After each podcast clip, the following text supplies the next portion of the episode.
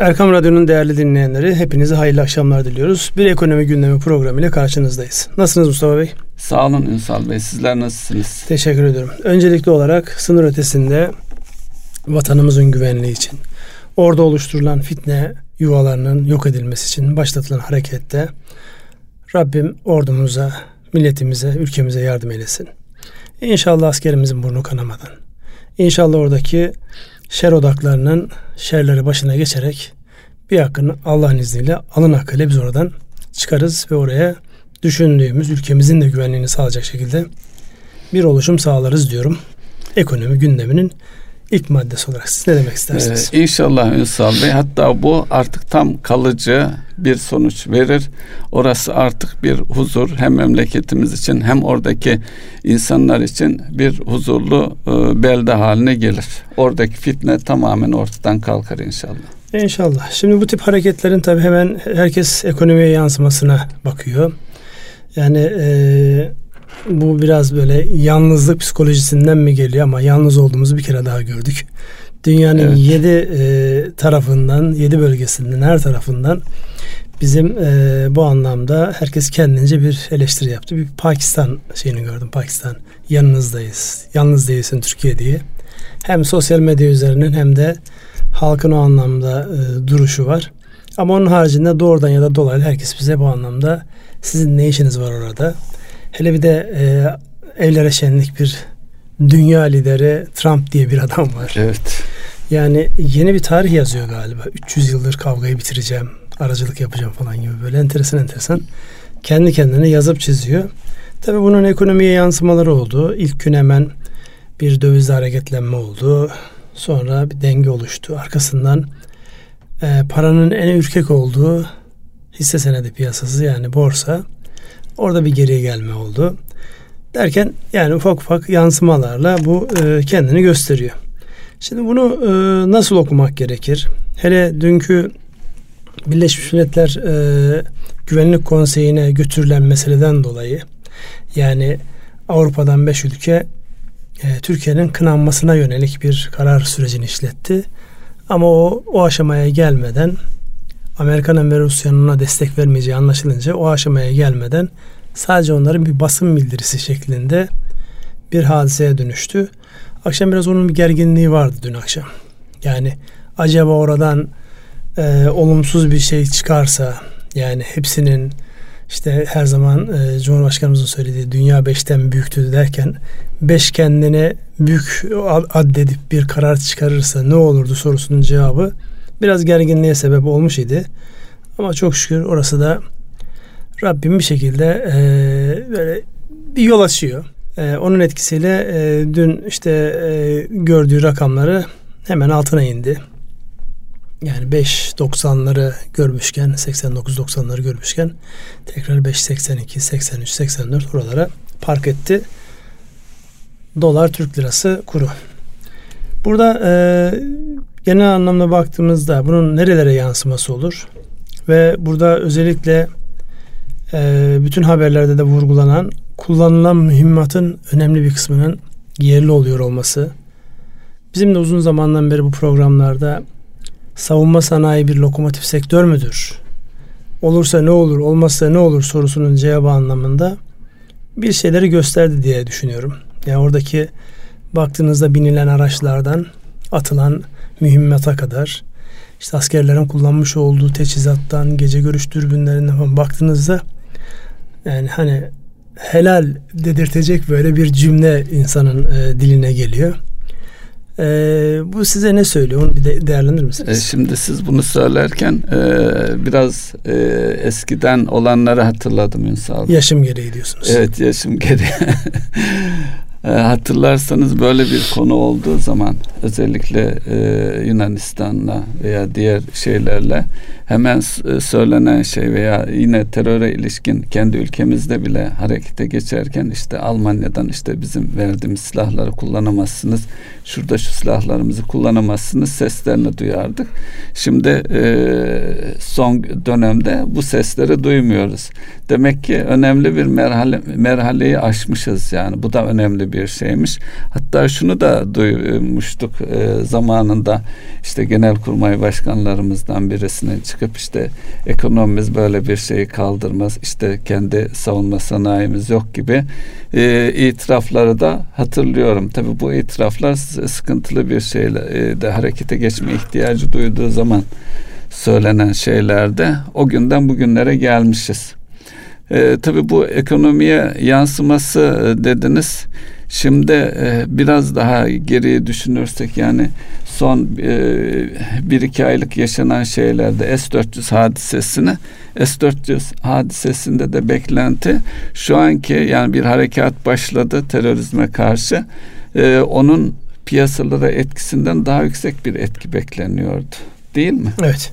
Dolayısıyla bugünkü etki e, artık şunu da gösteriyor ekonomimizin e, tabi sadece ekonomi derken bunun e, siyasi yönetimini de e, birlikte düşünürsek artık e, ülkemizin kapasitesi böyle bir operasyonu hem ekonomik tarafı hem askeri hem de siyasi olarak yönetebildiğini dünyadaki en büyük iki güç askeri güç açısından bakarsak Rusya ve Amerika'nın Birleşmiş Milletler'de en azından aleyhimize bir karar tasarısını kayıtsız kalarak engelleyebildiğini görüyoruz. Bu da geldiğimiz e, nokta açısından e, iyi bir noktadayız. İnşallah e, sonuçları da tabii sürede... yani olay sadece ekonomi değil, diplomasinin, dış politikanın, vaktinde bilgilendirmenin, iletişimi iyi yönetmenin. Evet. Yani burada zaman içerisinde Türkiye'nin kazanmış olduğu farklı yeteneklerin burada etkisini görüyoruz.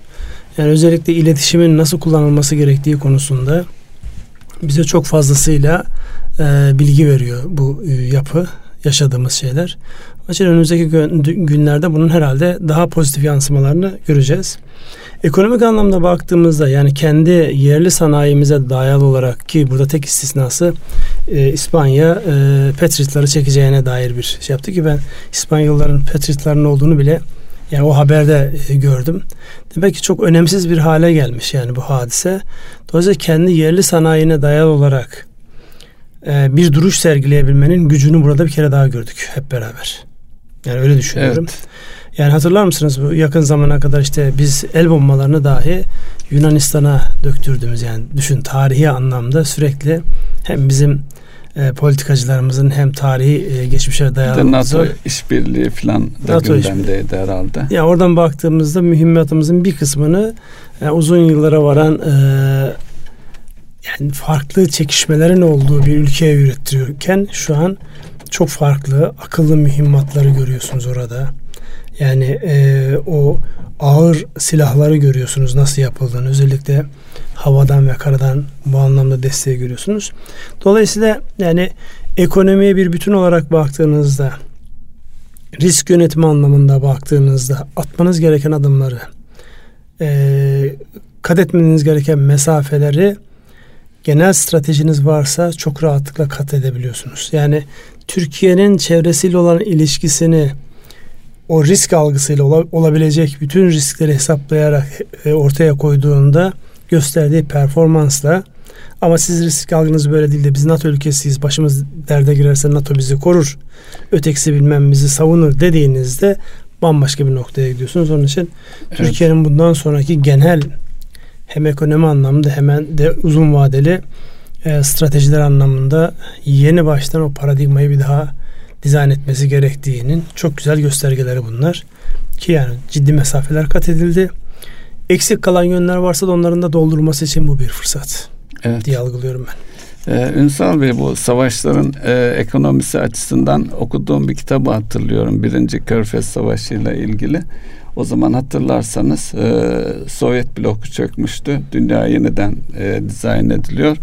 E, şey Amerikan kara ordusunun stratejisi olarak Avrupa'daki orduyu geri çekmeleri gerekiyor. Orada ciddi bir e, şey var. Mühimmat şu bu filan. Onu işte Körfez Savaşı'nı organize edip icat askeri ederek, e, icat ederek e, işte e, Kuveyt'e Saddam'ı motive edip mu, e, şey için müdahale için sonra orduyu şeye taşıyorlar e, Körfez'e oradaki tüm mühimmat silah şeyi kullanıyorlar. Bu arada hatırlarsanız o zaman e, petrolü de bahane ederek Amerika tüm dünya ülkelerini Japonya'dan e, işte İngiltere'ye kadar bu savaşın faturasını da çıkarmıştı. Yani bedelini de tahsil ederek e, böyle bir savaşı e, yeni bir dönüşümde e, organize etmişti. Şimdi bakınca e, bugün itibariyle yine e, oradaki teröristlere verilen binlerce tır silah ne anlama geliyor o tırların içerisinde ne vardı diye merak ediyorum. Bunun mutlaka kendi açılarından bir ekonomisi de olmalı. Kesinlikle bir ekonomisi vardır. Yani bunların tabi e, bilgilenme açısından söylüyorum. Yoksa yaptıklarının iyi ya da güzel tasdik edilebilir bir tarafı yok da. E, bilgilenme açısından birkaç sene sonra bunun da kitabını yazarlar.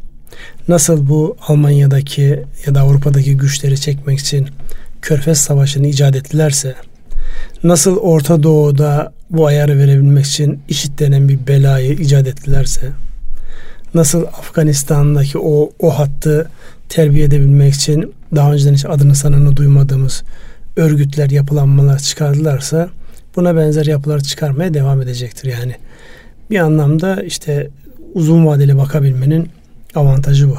Türkiye de bunu bu şekilde değerlendirmek zorunda. Çünkü bulunduğumuz coğrafya İskandinav ülkesi değiliz biz. Sürekli birileriyle bunları yaşayacağız. Birilerinin ya geçiş noktasındayız ya oyun noktasındayız. Bir yerindeyiz birilerinin. Dolayısıyla böyle olduğu zaman bizim böyle günübirlik düşünebilme şansımız yok. Çok uzun vadeli ve olabilecek yani bu rekabet stratejisi diye baktığımız ortamda rakipler ne yapıyor? Yani rakip kim burada? Rakip herkes. Yani işin içerisinde güç kontrolü varsa bunun uzağı, yakını, yan komşusu, uzak komşusu diye bir kavram yok. O gücü kullanma konusunda dirayet olan, kullanma ihtimali olan herkes sizin rakibiniz. Nasıl ki biz işletmeleri konuşurken eskiden diyorduk ya işte rakibiniz kim? Aynı mahalledeki aynı işi yapan adam, aynı ülkedeki aynı şehirdeki yapan. Şu an internet bütün rakip kavramını ortadan kaldırdı ise şu an e, sadece dünya değil uzay şu an paylaşılıyor.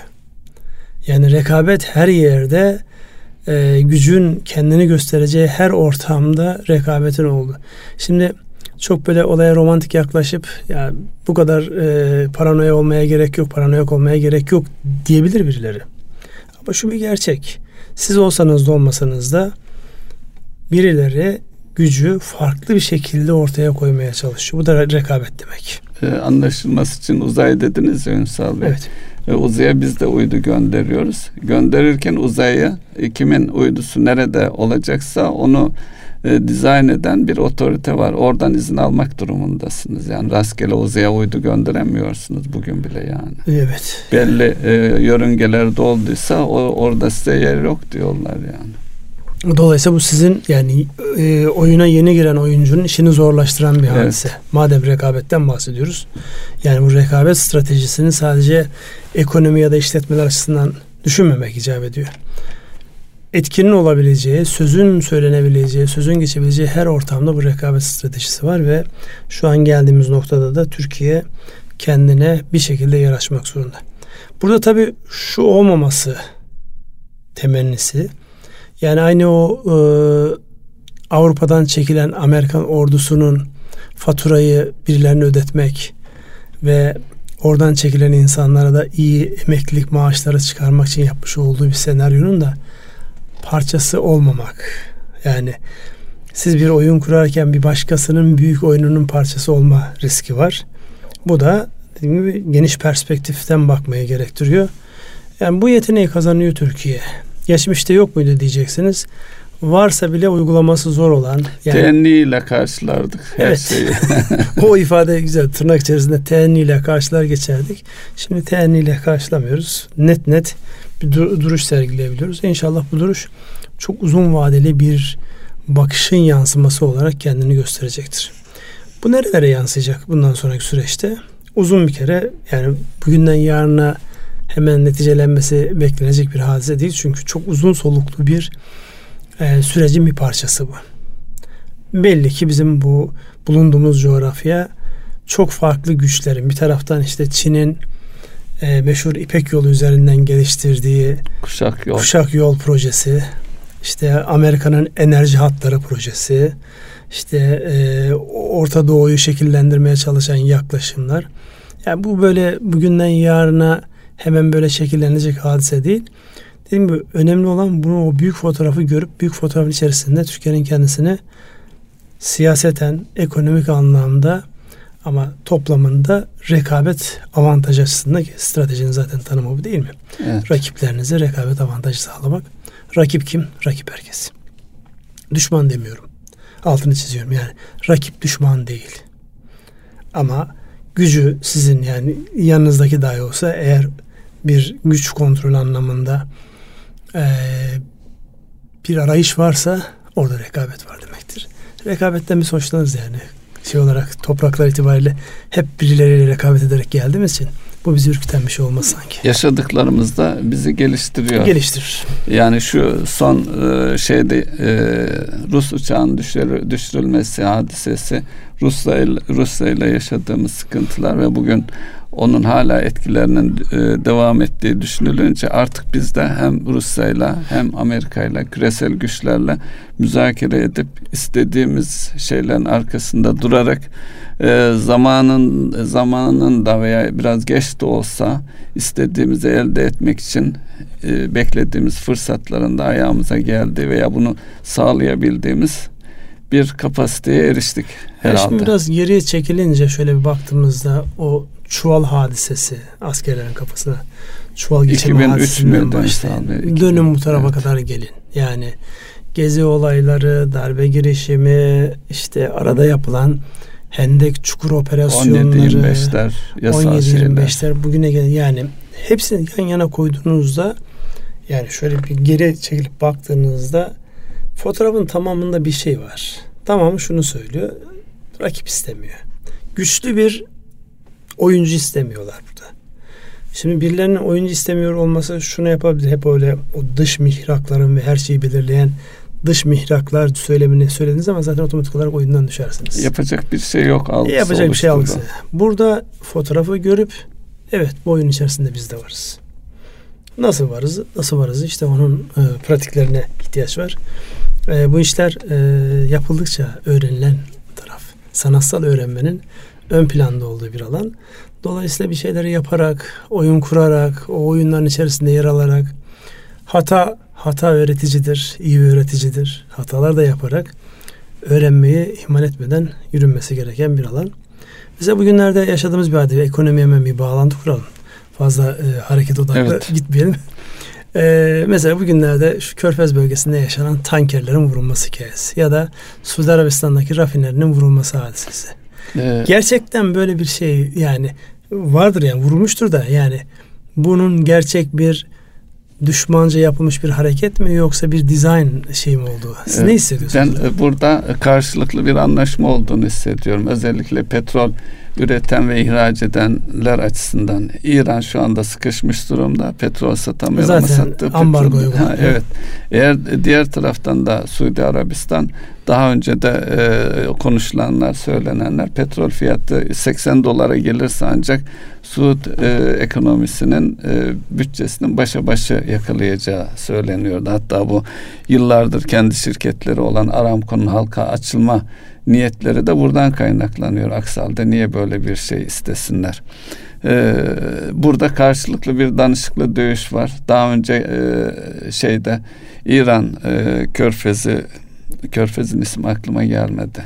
Hürmüz. Ya Hürmüz e, de olan hadiseler şimdi Kızıldeniz'de. Yani bir tarafı Mısır, bir tarafı Suudi Arabistan. Orada e, İran tankeri vuruldu haberi var veya sabotaja uğradı. Evet, e, kapalı bir deniz yani orada hani açık deniz olsa kimin nereden geldiği belli olmayan ne bileyim Hint denizinde e, bu tür şeyler oluyordu. Daha çok özellikle e, terörist eylemler falan. Burası kapalı bir yer. Böyle bir şey beklenmeyen bir hadiseydi. Ama ne oldu? Hemen 3-5 dolarlık bir e, petrol fiyatını yukarı doğru çekti.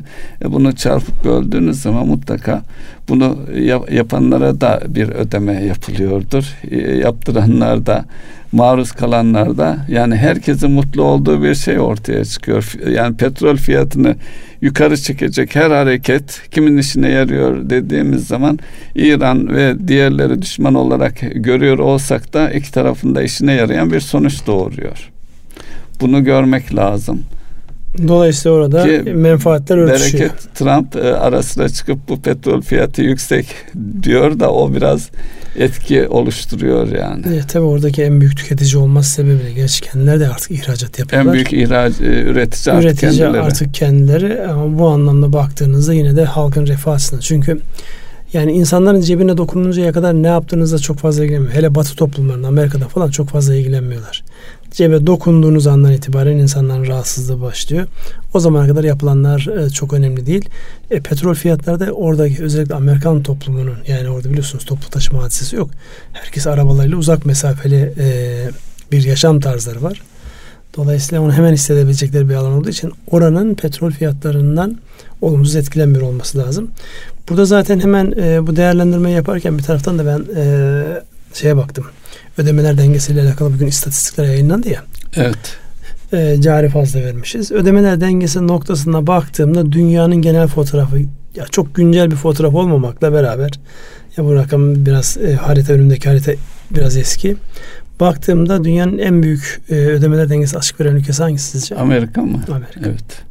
Sonra İngiltere sanıyorum. Yani İngiltere o kadar şey değil yani Amerika çok belirgin bir şekilde e, açık ara önde. E, fazla veren ülkelere baktığınızda kim vardır ödemeler dengesinde? E, petrol üreticileri mi var? Hayır. işte ben de ona baktım. Ben normalde Suudi Arabistan'ın evet fazla vermesi fazla lazım. veriyor olmasını e, zannederdim yani. Birisi sorsa rakamlara bakmasam evet yani adamlar yer altından fışkırıyor. Hayır. Açık veriyor. Niye açık veriyor? Çünkü bütün silah sanayi, Batı silah sanayi, Doğu silah sanayi, Çin ve Suudi Arabistan'da bu anlamda yani onların o e, kendilerini bağımlı hale getirdikleri çünkü netice itibariyle halka dayanmayan bir sistemden bahsediyorsunuz. Yani bağımlı hale getirdikleri için korkunç bir silah satın alması var. Yetmiyor. Petrol ihracatı yetmiyor. Yetmiyor. Ve açık veriyorlar. Şimdi bunların açık verdiği ortamda bakıyorsun kim fazla veriyor? Bir kere açık ara Almanya fazla veriyor. Hmm. Japonya fazla evet. veriyor. Çin fazla veriyor. Yani bu ülkelerin vermiş olduğu fazlalara baktığınızda Rusya fazla veriyor. Rusya'da mı fazla veriyor? Rusya'da fazla veriyor. Çünkü Rusya'ya baktığınızda yeraltı zenginlikler olan evet, evet birçok şeyi kendisi tüketiyor ama özellikle bu ambargo uygulanma süresinde eski o kolhoz solhoz sistemine olan aşinalıklarından dolayı e, dünyanın en büyük tarım üreticisi haline geldi. Zaten bizim de son zamanlarda evet, en fazla sıkıntı çektik. kendileri üretmeye başladı. Yani adam doğal gaz çıkıyor yerin altında istemediğin kadar. Seraları kurduğu zaman Sibirya'da olmasıyla Antalya'da olması arasında bir fark yok ki. Netice itibariyle topraksız tarım bu. Onun için burada e, çok farklı gelişmeler oluyor. Bu gelişmelere baktığımızda e, bu dengeler yani bizim açımızdan petrol fiyatları önemli ama Suud açısından çok daha önemli. Onlar için daha da önemli diyorsunuz. İran açısından çok daha önemli. Çünkü bütün dengeler onun evet. üzerine kurgulanmış vaziyette. O dengeyi nasıl yürütecekler hep beraber göreceğiz önümüzdeki zaman içerisinde. Peki, cari, cari fazlayı evet. biraz değerlendirir misiniz? Evet, nasıl olur cari fazla? E, cari fazla e, tabiatıyla daha önce de e, konuşuluyor, e, konuşmuştuk. İthalattaki e, ciddi daralmadan kaynaklanıyor. Tabi bu ithalattaki e, daralma bizim e, ekonomimiz e, ithalata dayalı büyüyen bir ekonomi. Dolayısıyla yani e, ham madde, yarı mamul maddeleri e, genellikle ithal yoluyla elde ediyoruz. Hatta bizim ihracatımızda e, ağırlıklı olarak ithalata dayalı bir ihracat. Gerçi sektörlere göre bunun oranı değişmekle birlikte böyle bir bağımlılığımız var. Yani temel bir takım e, e, ham maddeleri üretmiyoruz veya ürettiğimiz zaman kendimize yetmiyor. Dışarıdan almak durumundayız. Böyle bir bağımlılığımız var. Tabii bu da şu anki ithalattaki daralma nedeniyle e, cari dengemiz fazla vermiş durumda. Bu yıl e, e, geçen e, yeni ekonomik programda da söz konusu olan bir hadise vardı. O da 5 e, milyar dolarlık bir e, cari açıkla yüzde beşlik bir büyüme planlanıyor idi.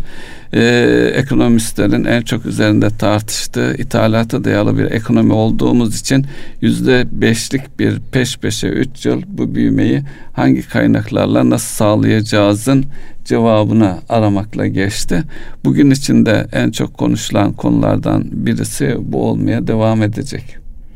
Yani e, büyümeyi hareketlendirebilmek için özellikle istihdam açısından buna ciddi ihtiyacımız var. E, yeni yeni hareketlenmeler de var e, belli sektörlerde. E, dolayısıyla e, ne dersiniz siz? Şimdi burada tabii özellikle yapısal bir dönüşüm denirse o da zamana bağlı. Neler olmalı ki bu realize olabilsin? Ya kısa vadede sonuç alınabilecek hususlar var. Şimdi burada e, dış ticarette büyümemiz gerekiyor üreterek büyümemiz gerekiyor ama bunlar biraz zaman alacak hadiseler. Ünsal Bey bunu bir de Amerika'nın 100 milyarlık bizden mal alma hedefiyle bütünleştirebilir miyiz? Yani bizden 100 milyar değil de ticaretin büyüklüğünün 100 milyar evet. dolar ulaşması diye baktığımızda. Şimdi tabii e, ticaret dengesiyle ödemeler dengesi aynı şey değil malumunuz. Bir tanesinde işte mal hareketleri var. Öbüründe her şey var içerisinde. Hizmet var, sermaye hareketleri var. İşte o ülkede eğer çalışanlarınız varsa onlardan gelen e, havaleler var. Her şey var. Dolayısıyla burada baktığımızda yani e, dengenin sağlanacağı yer bir kere biz ihracatta büyümek zorunda olan bir ülkeyiz. Üretimle büyümek zorunda olan bir ülkeyiz. Bunların baktığımızda özellikle üretmeyi teşvik eden bir yapımız var mı? E, Avrupa Birliği'ne uyum yasalarından dolayı özellikle çalışanların lehine olan özellikle işletmelerin e, ihtiyaçlarını karşılaması noktasında çok farklı e,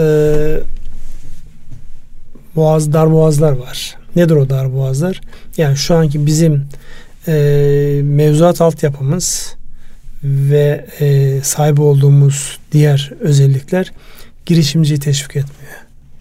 Yani e, çevremizde görüyoruz birçok insanın özellikle sanayi tarafında üreten kişiyseniz üzerinizde inanılmaz düzenleme ve uymanız gereken çok ciddi kurallar silsilesi var.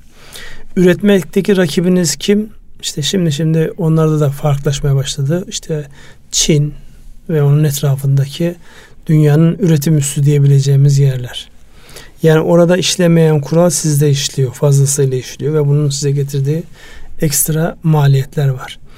Bunu telafi edeceğimiz yerlerden bir tanesi hizmet sektörüdür. Hizmet sektörünün işte en belirgin olanından bir tanesi turizm. Öbürü de eğer e, dünyanın finans merkezi olma iddianız varsa finans sektörüdür. Ya bugünlerde İngiltere'nin e, elinin ayağının dolaşmasına sebep olan unsurlardan bir tanesidir biliyorsunuz bu. Finans sektörünün İngiltere'den başka bir merkeze kayması, Londra'dan başka bir merkeze kayma hadisesi.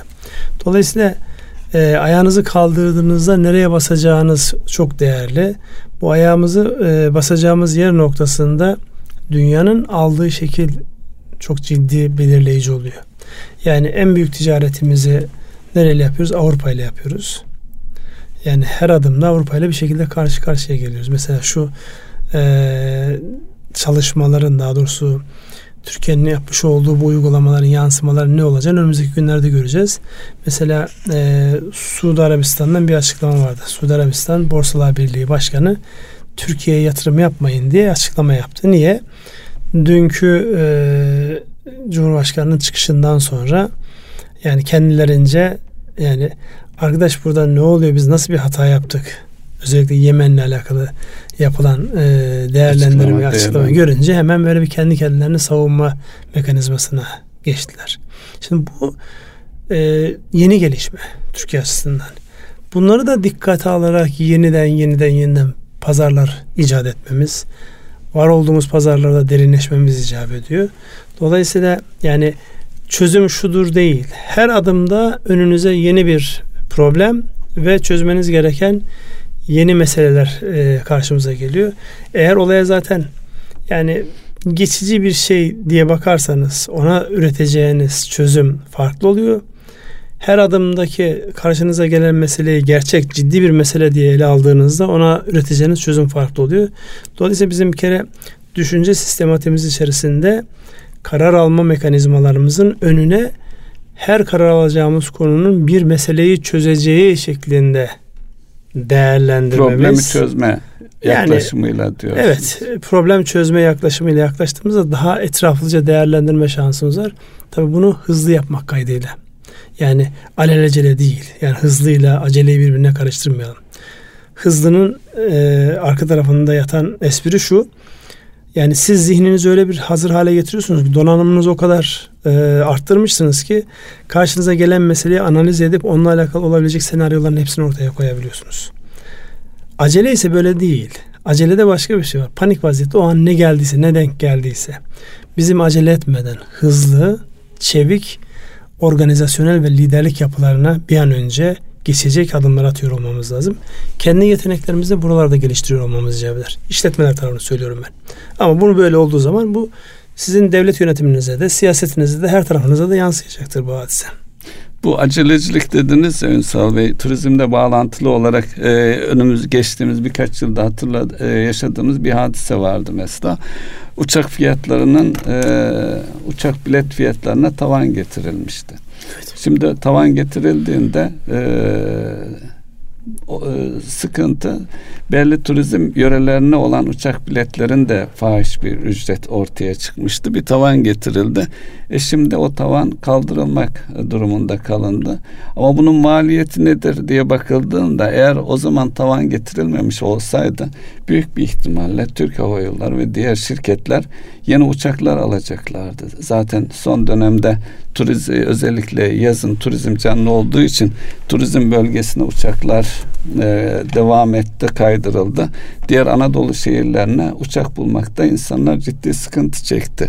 Dolayısıyla devletin bir takım e, aceleci düzenlemelerini düzenlemeleri de ekonominin e, gelişimine ciddi darbe vurduğunda söyleyebiliriz. Yani bu somut ya bunun bir, bir genelleme örnek. genelleme değil ama tabii bu somut örnekler bu var. Somut yani bir, bir tarafta örnek, tedbir evet. aldığınızda başka bir tarafı etkileyebiliyor. Yani halbuki e, yani yeni e, yönetim sistemimizde yani tek elden oluyor olması o koordinasyonu daha hızlandıracak ama orada henüz tam böyle e, koordinasyon anlamında o geçişler e, istenen kıvamda değil. işte gündem bir türlü normale dönmüyor ki. Sürekli gündemimizde ya içeride ya da dışarıda böyle daha e, ön plana gelen gündemi meşgul eden e, bir sürü e, hadise var. Yani burada mesela e, son dönemde özellikle bu yeni ekonomik programla beraber e, açıklanan o disiplinli, mali disiplini muhafaza edecek yaklaşımlar. Ama sizin önünüzde sürekli böyle kontrol edeceğiniz bir hadise yok. Yeni bir şey geliyor işte. Her ne kadar Türkiye uzun yıllar e, popülist yaklaşımdan uzak yani seçim ekonomisinden uzak bir tutum sergilese de yani yok diyemiyorsunuz bir şekilde ondan etkileniyor yapıyor. Etkilenince dün e, en güçlü olduğunuz yer bütçe dengesi bir yerde yani ekonominin de biraz e, daralmasından kaynaklanan işte vergilik gelirlerin düşmesinden kaynaklanan çeşitli e, yapılmamış, geçmişte yapılmamış ama o anki derdinize derman olan çözümlere rağmen e, devam ediyor. O onları yapısal olarak çözecek adımların atılması beklenir ama az önce de söylediniz bu uzun vadeye varan hadise. Fakat e, atılan adımların yani şimdi burada şöyle davranmamak icap eder. Sadece olumsuza bakmak. Olumlu adım attığınızda işte son dönemde özellikle bankacılık sisteminin e, başta konut olmak üzere arkasından otomotiv sektörüne yönelik adımlarının çok ciddi yansımalarını görüyoruz yani. Durmuş inşaatlar tekrar hareketlenmeye başladı. Şu an bir haber vardı. Şu an hangi gazetede olduğunu hatırlamıyorum ama e, daha önceden durmuş 700 bin konutun inşaatında hızlanma başladı diye bir haber vardı. Hadi bunun bir kısmının yani gerçek bilgiye dayanmadığını e, varsaysak bile şöyle kafamızı kaldırıp etrafa baktığımızda bir taraftan da bu depremin e, etkileriyle şunu görmekteyiz. Ee, insanların yeni konutları hatta e, semtler arası geçişler de yine bugün bir haber vardı. İstanbul'un e, hangi semtlerinden hangi semtlerine dolayı doğru nasıl göç oluyor noktasında e, depremle beraber 5.8'lik e, depremden sonra belirgin bir hareketlenme başlamış. Bu yeni konutlara ve depreme dayanıklı konutlara yönelik de bir hareketlenme anlamına geliyor. Şimdi bunların hepsi e, sizin yani planlayabileceğiniz şeylerin ötesinde attığınız adımlarla evet biraz mesafe kat edebilirsiniz ama her an önünüze yeni bir şeyler geliyor. Önemli olan o yeni gelen meselenin nasıl yönetileceğine dair sizin zihninizi hazır tutmanız. Senaryo çalışmaları. Senaryo çalışması da stratejik bakış açısına ihtiyaç duyurur. Stratejik bakış açısı büyük fotoğrafı gerektirir vesaire vesaire böyle gideriz biz. Evet, e, şeyle ilgili, e, turizmle ilgili e, yine bir tartışma var Ünsal Bey. Sektör şekil mi değiştiriyor acaba diye de düşünüyorum. Şöyle ki e, seyahat ajantalarıyla e, bir e, bakanın da bir açıklamasıyla birlikte bir tartışma başlamış durumda. Şimdi seyahat ajantaları e, yurt dışı kaynaklı e, bir takım e, sanal ortamdaki e, sitelerden yapılan satışları gündeme getiriyorlar. Bu arada bankalar da suçladılar.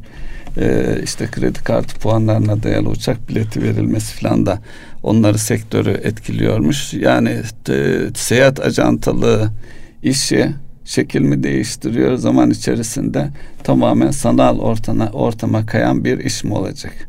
Bu e, İngiliz Thomas Cook'un batış hikayesi de biraz da buna dayandırılabilir mi?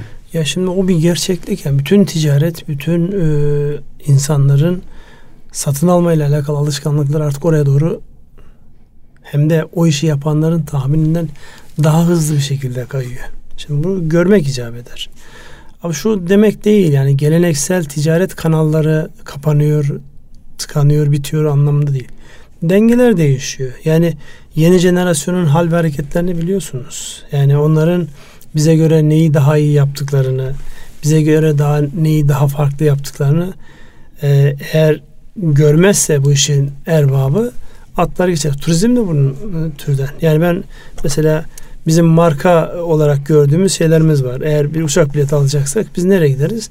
Bildiğimiz markanın internet sitesine gideriz. Eğer internet üzerinden alacaksak da.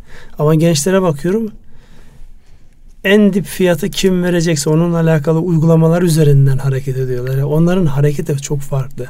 Ve e, özellikle son dönemde baktığımda gençlerle bu anlamda olabildiğince sohbet etmeye çalışıyorum. Biraz da onların dünyasını bu anlamda da görebilmek ve oluşabilecek ticari imkanları görmek noktasında bir kere önemli unsur yani sizin jenerasyona göre bizde sahibi olma sahiki çok fazla değil diyorlar. Evim olsun diye bir derdim yok. Arabam olsun diye bir derdim yok. Ev lazımsa en uygun nerede ve en düşük maliyetle evet. nerede e, onu kullanırım. Araç lazımsa onu en uygun nerede nasıl kullanırım düşüncesi. İşte şu an e, özellikle trafikte olan arkadaşlarda bir şikayetlenme var. Allah Allah motor sayılarında artış oldu falan. Ama bir şey daha daha artış oldu. Motorda tek kişi yok. Hep iki kişi var. Evet. Çok ciddi bir ulaşım yani kamu ulaşımı yani toplu ulaşım değil. Tek tek ulaşım tabii burada trafik da. aceleniz varsa, trafik sıkışıksa motosiklet çağırıyorsunuz. Motosiklet çağırıyorsunuz. Dolayısıyla yani burada artık yani yeni jenerasyonun sahibi olma, işte gideyim, işte bir yazlık alayım, bütün tatilleri oraya gideyim falan diye böyle düşünce yok. E, dolayısıyla farklı argümanları kullanabilmek için artık o argümanları kendisine sunacak bir ortam, bir kanala ihtiyaç var. O kanalda sanal alem. Yani e, hem her şirket ister seyahat ajantası olsun, içinde bulunduğu gerçekleri gerçeklerle yüzleşip gelecekte ne olacaksa ona göre stratejisini belirlemeli ve e, yol haritasını çıkartıp hareket etmeli Hani sizin o gençlere e, koçlukla alakalı anlatımınız da var diye her fanenin bir koçu olacak diye.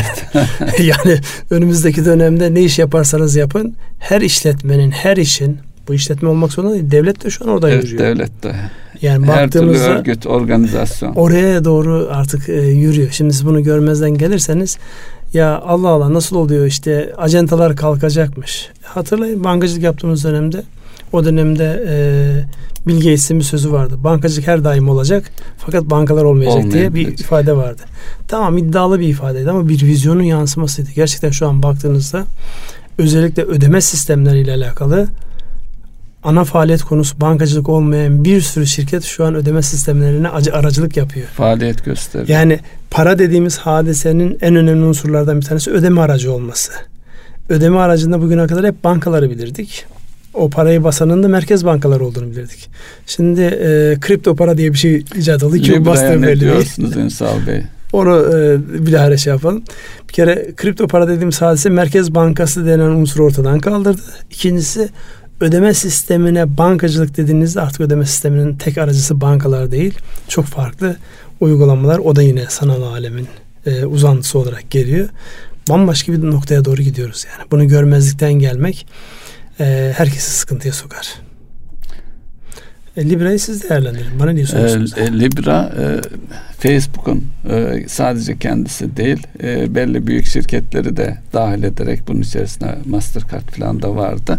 Bir e, kripto para çıkarma şeyi vardı. Gelen tepkiler üzerine sanki geri adım attı gibi oldu. Yok, Ama e, özellikle Avrupa ülkelerinde Fransa'dan e, değişik ülkelerden e, bu e, ülkelerin egemenlik haklarının ihlali diye nitelendirildi e, ve ciddi tedbir alacaklarını, karşı çıkacaklarını söylediler ama e, ara ara çıkan haberlerde de e, arka planda e, şeyin e, Facebook'un bu e, noktada adım atmaya devam ettiğini de görüyoruz. Belki onlar da uygun bir konjöktürü belirleyecekler veya bu yapı içerisine belki devletleri de monte edebilirler mi bilmiyorum Ünsal Bey yani.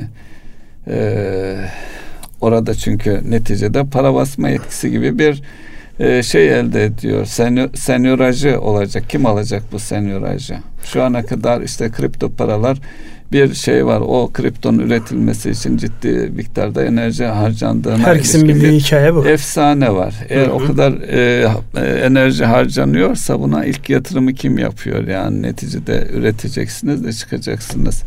Ve e, kriptoda belli bir paket büyüklükleriyle çıkartılabilen bir sisteme dayanıyor. Şimdi tabii kripto para mevzu yani dört başı mamur birilerinin tam e, anlayıp da ortaya koyduğu bir mevzu değil. Dolayısıyla devletler buna dahil olur mu sorusunun cevabı olarak yani biz sadece yapılan açıklamalardan hareketle biliyoruz. İşte ambargo uygulanan Rusya, ambargo uygulanan Venezuela ve benzeri yerlerde biz de kendi kripto paralarımızı üretir ve onların üzerinden hareket ederiz gibi şeyler var. Ancak şu bir gerçek. Yani önümüzdeki dönemde geçmişten aşina olmadığımız yeni birçok hadise gelecek. Yani bu anlamda baktığınızda dün hiç hesapta olmayan işte Elon Musk diye bir adam çıkıyor. Bir taraftan savunma sanayi, bir taraftan uzay teknolojileri, otomotiv sanayi, sağlık, ödemeler sistemi her taraftaki bütün dengeleri bozacak adımlar atıyor. Şimdi bunu yan yana koyduğunuzda önümüzdeki dönemin neler getireceğini yani şu an üzerinde kafa yorup yani blockchain teknolojisi ayrı bir teknolojisi. Onun üzerinden ne yapılacağı, onun ne olduğu konusu artık herkes tarafından kabullenilmiş ve üzerinde kafa yorulan bir mevzu. Çalışılıyor onun Çalışılıyor. Üzerinde. Ama para mevzu, para mevzu daha çok su götürecek bir hadise. Onun için e, biraz bekleyip görmekte fayda var. Devletler bu işin neresine girer dediğimizde şu an mevcut yürümekte olan e, sistemlerin arkasında devletlerin hiç alakasında olmadığını söylemek e, herhalde biraz fazla e, saflık mı olur? İyi niyetlik mi olur? Onu veya şöyle var zaten diyeceğiz, e, bu Libra'nın arkasında Avrupa devletleri yok. Libra'nın arkasında Avrupa devletleri yok çünkü baktığınızda ana çıkış noktası eğer bunu bir sosyal medya şirketi ise yani soruyu şuradan sormak lazım.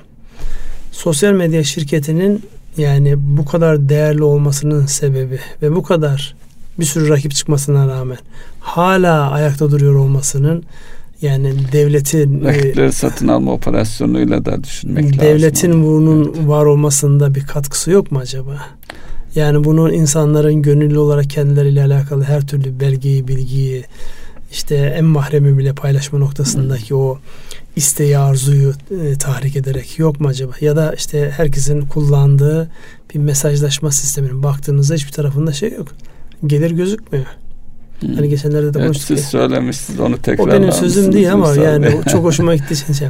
Ya bir şey size bedava veriliyorsa e, ürün sizsiniz. Evet. Dolayısıyla burada eğer bedava geliyorsa bir şeyler ki yani baktığınızda bir para ödemiyoruz e, görüntüde o nesnelere. Evet, talep de edilmiyor. Talep de edilmiyor. Reklam da yok, reklam da görmüyoruz orada. Ama arka tarafta bizim her türlü bilgimizin, mahremimizin yani zaten biliyorsunuz şu an en büyük sıkıntı insanların her ne kadar koruma altına alınsa da özeliyle alakalı çok ciddi tehdit var.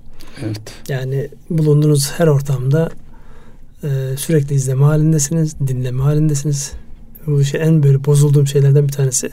Böyle konuşurken bir de telefonun devreye girip sizin için ne yapabilirim diye sesleniyor olması insanın tüylerini diken diken ediyor tabii bir de. Yani belli ki sürekli ortam dinlemesi var evet. ve o ortamda geçen kelimelere bağlı olarak e, reklam düşürüyorlar önünüze. Ya reklam yani. düşürüyorlar ya reklam düşürmesine gerek yok işte ben başıma geliyor yani telefon birden açılıyor işte e, sizin için ne yapabilirim diye soruyor. Hmm. Belli ki onu harekete geçiren bir komut o arada ne söylüyorsa evet. onun da farkında değilim. Onu devreye geçiririm ve o açılıyor ve telefon soruyor size sizin için ne yapabilirim? Neyi araştırmamı istiyorsunuz? Nereye aramamı istiyorsunuz? Gibi böyle enteresan e, var olan ihtiyacı hemen karşılama bazen de olmayan ihtiyacınıza ihtiyaç icat etme gibi bir şey var. Yani dolayısıyla e, böyle çok başladığımız yerden geldiğimiz nokta bambaşka bir no- hadise oldu ama sanal alemin şöyle bir özelliği var. Yani yeniden dizayn ediliyor. Hani o yeni ürün, yeni piyasa falan var ya. Bunu herkesin oturup yeni baştan bir daha değerlendirmesi lazım. Igor Ansov şu an e, yaşıyor olsa herhalde e, yeni baştan e, bunları tekrar tekrar ele alırdı. Ele alırdı. O ele almasa bile biz ele almak zorundayız. Buyurunuz. Evet. Ee, Ünsal Bey e, mevcut durumu dikkate alırken yani bu e, ekonomi itibariyle şu yaşadığımız harekatı da dikkate alırsak e, bir e, yavaşlama olur mu endişesi taşınıyor. Yani bekle gör diyebilir mi insanlar? İş talepte bir yavaşlama olabilir mi? Bir bunu değerlendirseniz. Şimdi onunla alakalı şunu söyleyebilirim. Bugün de yine medyada vardı, uluslararası medyada. Dünyada özellikle Dünya Bankası'nın hmm, bütün gelişmekte olan piyasalarla alakalı büyüme tahminlerinde 8. 10. revizyona gitti. Yani sene baş, başından bu yana geçen işte 8-9 yani ay içerisinde tahmin tutmadı. Tutmadı. Bir de o tahminleri e, hayata geçirecek e, adımlar bir türlü gelmiyor. Dolayısıyla acaba gelişmekte olan ülkeler resesyona mı giriyor sorusunun cevabı ve 2020 ile alakalı yani Türkiye'den bağımsız konuşuyoruz bunu. Gelişmekte olan ülkelerin birçoğunun bir resesyon sürecini yaşayacağını. Çünkü ticaret savaşları 18. ayına girdi. Yani 18 aydır Amerika ile Çin yani masanın neresindeler sorusunun cevabını yani bu da bir danışıklı dövüş gibi gelmeye başladı. evet artık. Çünkü yani hani kimse kimsenin kemiğini kırmıyor. Herkes e, yani kırarım ha, döverim ha diyor ama bir şey gelmiyor arkadan. Dolayısıyla buradan baktığımızda oradaki tepişme onları piyasa olarak algılayan ya da onların e, periferisi içerisinde hareket eden bütün ülkelere sıkıntı demek. Yani bizim açımızdan baktığımızda ne? Biz mal satıyor olmamız lazım. Şimdi mal sattığımız yerin rahat olması icap eder. Neresi orası? Avrupa. İşte Amerika ile ilişkileri geliştireceğiz. İşte oradaki 100 milyar e, resesyon bekleniyorsa Amerika'nın Çin dışında açtığı kapılardan biri biz olacaksak orada bir hareketimiz olabilir mi? Amerika ile ilişkileri e, sürdürülebilir e, işte bunların hepsi pazarlık yapacak. demek. Evet. Bunların hepsi pazarlık demek. Pazarlık bugünün pazarlığı değil. Gelecekte e, devletlerin o büyük oyun kurucuların kendilerini konumlandırdığı yerin neresinde seni görmek istediğiyle alakalı bir hadise. Bize düşen de kendimizi nerede göstermek istiyoruz? Nerede yer açmaya çalışıyoruz? Nerede kendimize? fırsatlar var? Evet, nerede yer açacağız kendimize? Yani sürekli böyle birilerinin oyunun içerisinde bir piyon konumunda değil, ara sıra böyle bir kafayı kaldırıp ben de varım diyebilecek ya da ara sıra değil. Gönül ister ki sürekli olsun. Sürekli. Ee, o günlerde gelir inşallah. Yani buna ihtiyaç var. Dolayısıyla o ihtiyacı e, gösterecek dirayet yine aynı noktaya geliyoruz. Büyük pencereyi, büyük çerçeveyi görecek bakış açısı her daim lazım. Yani günlük neyle uğraşırsak uğraşalım ana e, çerçeveyi unutmamak icap eder. Ana çerçevenin diğer taraflarında ne oluyor? Nasıl değişiklikler var konusunu kesinlikle izliyor olmamız lazım. Bu da çok ciddi bir stratejik düşünme. İşte bu analizler. Yani olay sadece şey değil. Bir köşede think tank kuruluşu olarak çalışmak değil herkesin, her şirketin, her bireyin bir kendisiyle ilgili strateji düşünmesi ve ortaya koyması ihtiyacı var. Evet. Ünsal Bey bu arada her hafta e, döviz sevdat hesaplarıyla ilgili bilgi veriyoruz. E, geçen hafta e, rekor kırılmadı ve geri geldi. 193 milyar dolar seviyesinde yaklaşık e, 300 milyar dolarlık bir geri gelme var. Ama alt başta baktığımızda gerçek kişilerin döviz tevdiat hesapları 650 milyon dolar artmış. Tüzel kişiler ise 990 milyar 1 milyar dolara yakın eksiltmiş. Dolayısıyla burada özellikle yapısal açıdan bakıldığında bireylerin hala dövize e, yönelik ilgisinin devam ettiğini görüyoruz. Bunu e, şu harekatla birlikte de dövizde biraz hareketlenme oldu yukarıya doğru. Birlikte e, nasıl değerlendirebilirsiniz? Yani bu konu zaten e, hareketten bağımsız olarak bizim tasarruf etme noktasında yabancı parayı olan e, tutkumuz devam ediyor. Yani toplum olarak devam ediyor. Alışkanlıkta mı var diyorsunuz? Bireylerde de işletmelerde de var. Alışkanlık var. İşte risk yönetim mantığı var. Var birçok e, unsur var. Dolayısıyla bu bir realite bunu kabul etmek gerekiyor. Bu kabulün içerisinde ne üretebiliriz sorusunun cevabı ya burada şimdi bankacılık sistemi zorlanıyor tabii. Bankacılık sistemi çünkü kaynakları yabancı paraya döndü. Kullandırım noktasında o kadar rahat değiller. Ee, ticaret de eski alışkanlığından dolayı döviz üzerinden yani reel sektöre baktığında insanlar birbirlerine olan alacaklarını vereceklerini döviz üzerinden izleme alışkanlığı hala devam ediyor. Niye? İşte tedarik etmiş olduğu ya da satın almış olduğu mal döviz üzerinden fiyatlandığı için bir anlamda işte hedging mekanizması yani riski e, minimize etme, yönetme mekanizması olarak kendini gösteriyor. Bu e, kolay değişecek bir zihin değil. Ne zaman değişir? Çok uzun süre ve 3 sene 5 sene yani sizin kurlarla alakalı kurların e, getirisinin diğer kendi yerli e, yatırım araçlarınızın getirisinin gerisinde kalması haline artık insanlar tamam ya. Yani bu yabancı parada beklemenin gerçekten bir anlamı yok dedikleri noktadır orası. Şu an orası orada değiliz. Yani şu an orada ile alakalı özellikle kendi paramızı kullanalım, şunu yapalım, bunu yapalım şeklindeki ifadeler henüz daha insanların zihninde evet ya yerli parayı kullanmamız gerekir noktasında istenen sonucu vermiş değil. Onda zaten yansıması burada görünüyor. Onun için burada e, söylenecek çok fazla bir şey yok şu aşamada. Yani insanların e, emin olması gerekiyor. O eminliği sağladıkları andan itibaren e, çok hızlı değişir ya. Yani bizim hep e, eleştirilen tarafımız vardır ya duygusal oluşumuz. Hızlı evet. duygusal oluşumuzun bir avantajı da biz duygularımızın peşinden de giden bir e, topluluğuz. Dolayısıyla iyi yönetildiğinde o duygular e, güç olduğu da artık gün gibi ortada. E, malumunuz işte liderlikte hangisidir? Akademik zeka mı, duygusal zeka mı? Duygusal zekanın da ne kadar önemli olduğu yapılan araştırmalarda kendini fazlasıyla göstermiş durumda. Dolayısıyla duygusal zekamızı efektif kullandığımızda yani buradaki algının değişmesi yani çok uzun zamana varmayabilir. Fakat en azından birkaç sene e, o zihin değişikliği için geçmesi gerekiyor. Tabii taşların da yerine oturarak gitmesi gerekiyor. Zaman evet. mı gösteriyorsunuz bana? E, zaman e, şey var. Bir de e, Brexit'te de tekrar bir İrlanda ile sanki anlaşma olacakmış gibi.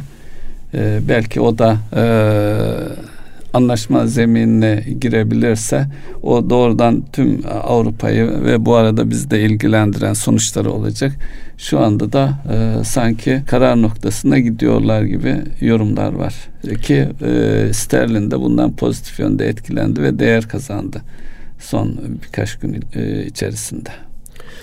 Bu Brexit mevzu böyle her zaman böyle yere göğe sığdırılamayan e, İngiliz diplomasisinin ve İngiliz planlayıcılığının e, artık olumsuz bir ifade kullanmayayım. O açıdan gerçekten bir örnek çalışma olarak karşımıza duruyor. Çünkü gerçekten ne yapacaklarını İtibar kaybı onlar için. İtibar kaybı tabii. Evet. Yani o İngilizlerin her şeyi planladığı iddia edilen yapılan. Kibirli e, duruşa. Kibirli deyin işte her şeye hakim olma arzusunun vermiş olduğu o e, üstten yaklaşım değil ne derseniz deyin ama görüldü ki yani onlar da bizim kadar fani onlar da bizim kadar olaylar karşısında yani e, düşünmedikleri pozisyonlara geldikleri zaman aziz içerisindeler yani ötesi birisi yok. Dolayısıyla e, aziz içerisinde olmayan yegane bir tane güç var. O güce inanmak lazım. Ve inançla dört elle işimize sarılarak yani kendi yolumuzun, kendi e, birlikte olduğumuz takımın ve yolcularımızın selamet açısından ne gerekiyorsa onu yapmamız icap ediyor. Ve onun için de dediğim gibi rakipler asla göz ardı edilemez. Herkes rakip. Herkes dikkate alınacak bazılarından yani e, o kelimeyi sevmemekle beraber öykünerek yani onlardan bir anlamda e, pozitif etkilenerek, pozitif etkilenerek e, alacağız. Bir anlamda onların düşünmediği yerlerde yürüyeceğiz ama herkesi yakından izlemek zorundayız. Çünkü e, bir strateji geliştirmek istiyorsanız çevrenizden kopamazsınız. En önemli şey çevrede ne oldu? Bu yakın çevre değil, bütün çevre. Yani bu çevreden ben uzayı da kastediyorum. Bu çevreden artık kainatın ne tarafında ne oluyorsa her tarafı kastediyorum. Bu şekilde bir bilgilenerek yürümemiz icap ediyor. Bugün ekonomiden ziyade başka konulara girdik sanki. Ee, ama mi? herkesin gündemi en önemli şey bugün Bu e, harekat. Dolayısıyla inşallah e, e, istenen sonuçları aldığımız şekilde inşallah. sonuçlanır. Bitirelim mi? Buyurun. Erkam Radyo'nun değerli dinleyenleri bir ekonomi gündemi programının daha sonuna geldik. Suçu lisan eylediksek affola. Dilimizin döndüğünce e, ağırlıklı olarak ekonomi dışındaki gündem maddeleri olmak üzere ama ekonomi etkisini konuşarak bir şeyler aktarmaya çalıştık. Hayırlı akşamlar diliyoruz. Hayırlı akşamlar.